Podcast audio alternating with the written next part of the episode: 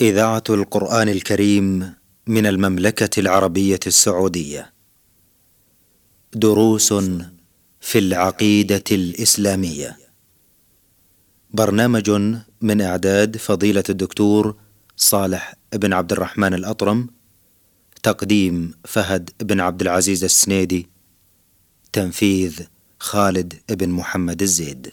بسم الله الرحمن الرحيم الحمد لله رب العالمين والصلاة والسلام على أشرف الأنبياء والمرسلين نبينا محمد وعلى آله وصحبه أجمعين مستمعينا الكرام السلام عليكم ورحمة الله وبركاته أسعد الله أوقاتكم بكل خير وأهلا ومرحبا بكم إلى هذه الحلقة في برنامجكم دروس في العقيدة الإسلامية في مستهل هذا اللقاء نرحب بفضيلة الشيخ صالح بن عبد الرحمن الأطرم فأهلا ومرحبا بكم شيخ صالح حياكم الله وبارك الله في الجميع حياكم الله شيخ صالح. لعلنا نكمل الحديث الذي تعرضنا له في حلقات ماضية عن أثر الإحسان على الفرد والمجتمع.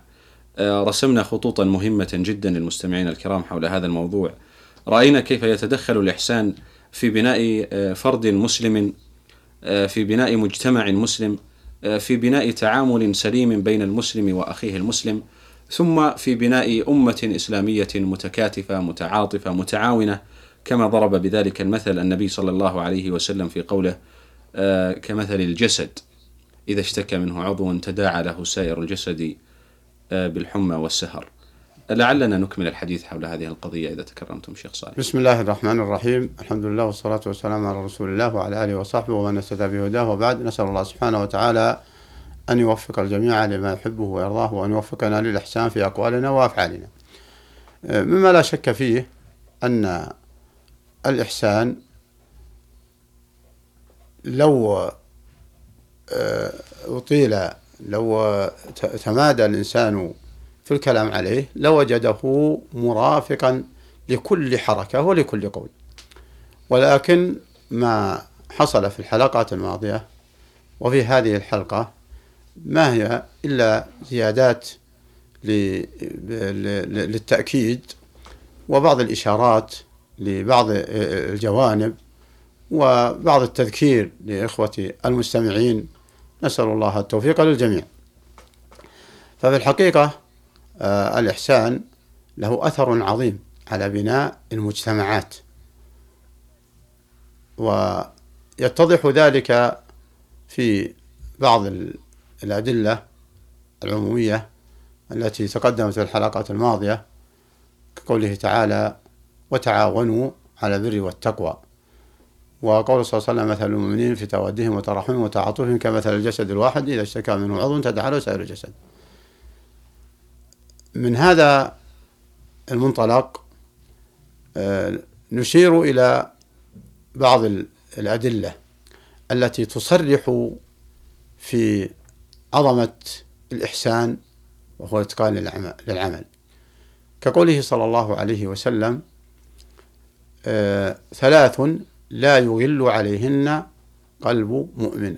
وفي رواية مسلم لا يغل عليهن قلب مؤمن. بمعنى لا يغل لا يجد الغل في هذه الأمور الثلاثة. أو لا يخالطها غل والغل معروف. يدخل فيه الحسد ويدخل فيه الحقد ويدخل فيه البغضاء ويدخل فيه البغضاء ولعظم هذه الثلاث التي سأذكرها في الحديث إن شاء الله تعالى قال عليه الصلاة والسلام لا يغل عليهن. أي لا يوجد غل في قلب مسلم بهذه الثلاث. بل عنده الإخلاص والإحسان في المعاملات في معاملات هذه الأمور الثلاثة. الأول إخلاص العبادة لله. هذا أول أمر من الأمور الثلاثة. فإخلاص العبادة لله يتأكد الإحسان بها. والإحسان بها عبادة موافقة لما جاء في الكتاب والسنة. وعبادة خالصة من الشرك وشوائبه. من الشرك وشوائبه. وعبادة خالصة من التوسلات بالمخلوقين إلى الله فيما لا يقدر عليه إلا الله. فيما لا يقدر عليه إلا الله. فمعناه لو صرف شيئا من مما هو خاص لله من العبادات أصبح آه، غير محسن وأصبح موصوف بهذا الوصف وهو وجود الغل. و وأنواع العبادات الخاصة لله والتي لا تصلح لله كثيرة جدا. كثيرة. وهي قل لا إله إلا محمد رسول الله والرغبة والرهبة والخشية والإنابة والاستعاذة والذبح آه، تقربا لغير الله. كل هذا ينافي الإخلاص والنذر لغير الله تقربا والاستعاذة بغير الله فيما نقدر عليه إلا الله. والاستعانة بغير الله فيما نقدر عليه إلا الله ودعاء غير الله فيما نقدر عليه إلا الله. فمعناه إذا جاء بشيء من هذا القبيل فإنه فقد وجد فيه الغل وشابه هذا الغل الإخلاص. فإخلاص العبادة لله يجرد من هذا الغل. الثاني مناصحة وولاة الأمور ولاة الأمور والمسلمين. و والنصح مأخوذ من اللغة وهو آه، ضد الغش. عسل ناصح يعني صافي مصفى ليس فيه شوائب. والمناصحة معناها آه، أن يكون ناصحا فيما يعمله فيما ولي عليه.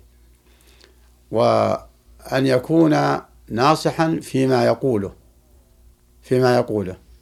وهذا دليل واضح على مراعاة جانب ما يضبط المجتمع المسلم ومراعاة آه، ما يعين على آه، تنفيذ الحدود وإيقاف المقدمين على المعاصي وإعانة المطيعين لأنه قال مناصحة. ويفسر هذا الحديث الآخر الدين النصيحة فحصر عليه الصلاة والسلام الدين النصيحة فمعناه إذا فقد هذه النقطة وهذا الجانب فقد فقد جانبا من جانب الإحسان في هذه الأمر في هذا الأمر المهم. الأمر الثالث ملازمة جماعة المسلمين. فملازمة فلزوم جماعة المسلمين لا يصح لمسلم أن يجد غلا فيها أو غلا عليها بل يجب على كل مسلم أن يعتقد وجوب لزوم جماعة المسلمين و و وتحريم آه، آه، آه، التفرق بسبب البدع أو المبتدعات في الدين أو المثيرات التي تدعو إلى تفرق الجماعات وتشتتها. وقد جاء في القرآن الأمر على ذلك والنهي عنه والسنة كما قال تعالى واعتصموا بحبل الله جميعا ولا تفرقوا. والرسول عليه الصلاة والسلام في آخر وصية وصاها الصحابة لما خطبهم خطوة ضربت من العيون وأجلت من القلوب قالوا أوصنا كان وصية مودع. فقال أوصيكم بتقوى الله والسمع والطاعة وإن تأمر عليكم عبد حبشي. ومعلوم أن هذا يدل على حسن الانقياد في طاعة الله ولا يعني كون الفرد يؤمر بمعصية فينقاد. فهذا أمر واضح. نعم. إذا أمر الإنسان بمعصية فقيل له اشرب هذا الخمر يعتذر. وإذا أمر أن آه، يفعل ظلما فيعتذر عن ما أمر به. وإذا آه، أمر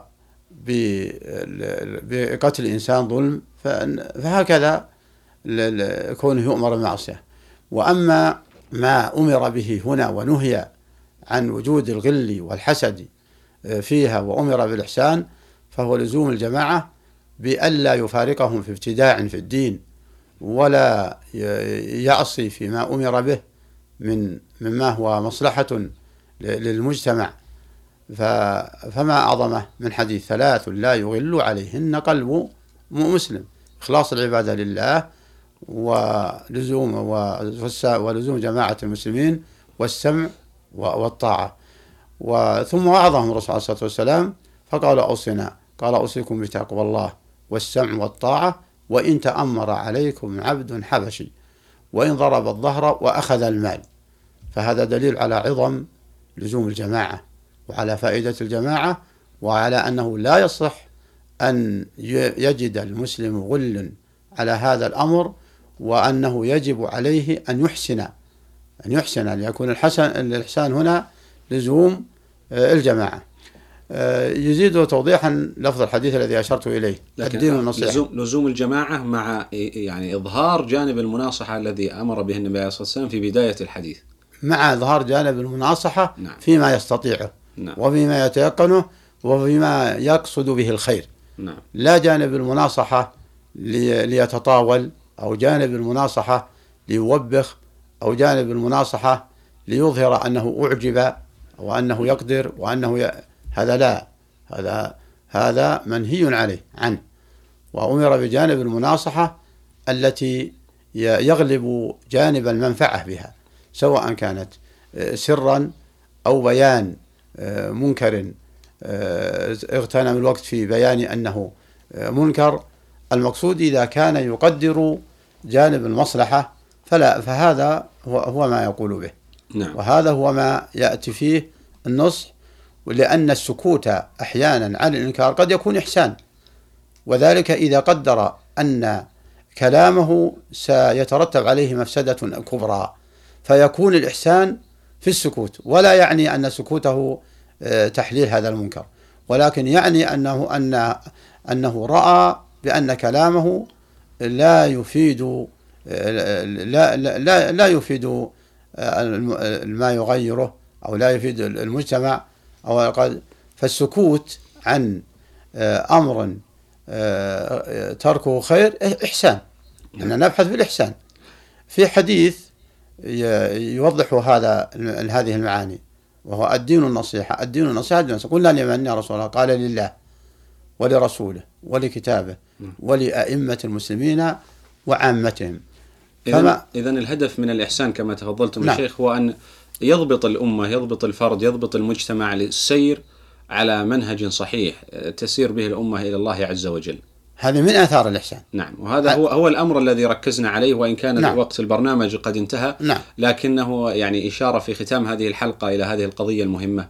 آه، ألا وهي قضية أثر الإحسان أن يلتمسه المسلم أن ينضبط في هذا الإطار حتى يكون أثره واضح على الفرد والمجتمع بإذن الله تعالى. نعم هذا هو هو المطلوب. نسأل الله تعالى ييسر الخير للجميع ويوفقنا جميعا لما يحبه ويرضاه. وأن يتجدد معكم لقاء بإذن الله في حلقة قادمة وأنتم على خير فضيلة الشيخ. مستمعينا الكرام في الختام تقبلوا تحية زميلي ناصر الجريسي من الهندسة الإذاعية. حتى نلقاكم في حلقة قادمة. نستودعكم الله. السلام عليكم ورحمة الله وبركاته. وعليكم السلام وبركة الله وجميع دروس في العقيدة الإسلامية. برنامج من إعداد فضيلة الدكتور صالح بن عبد الرحمن الأطرم تقديم فهد بن عبد العزيز السنيدي تنفيذ خالد بن محمد الزيد.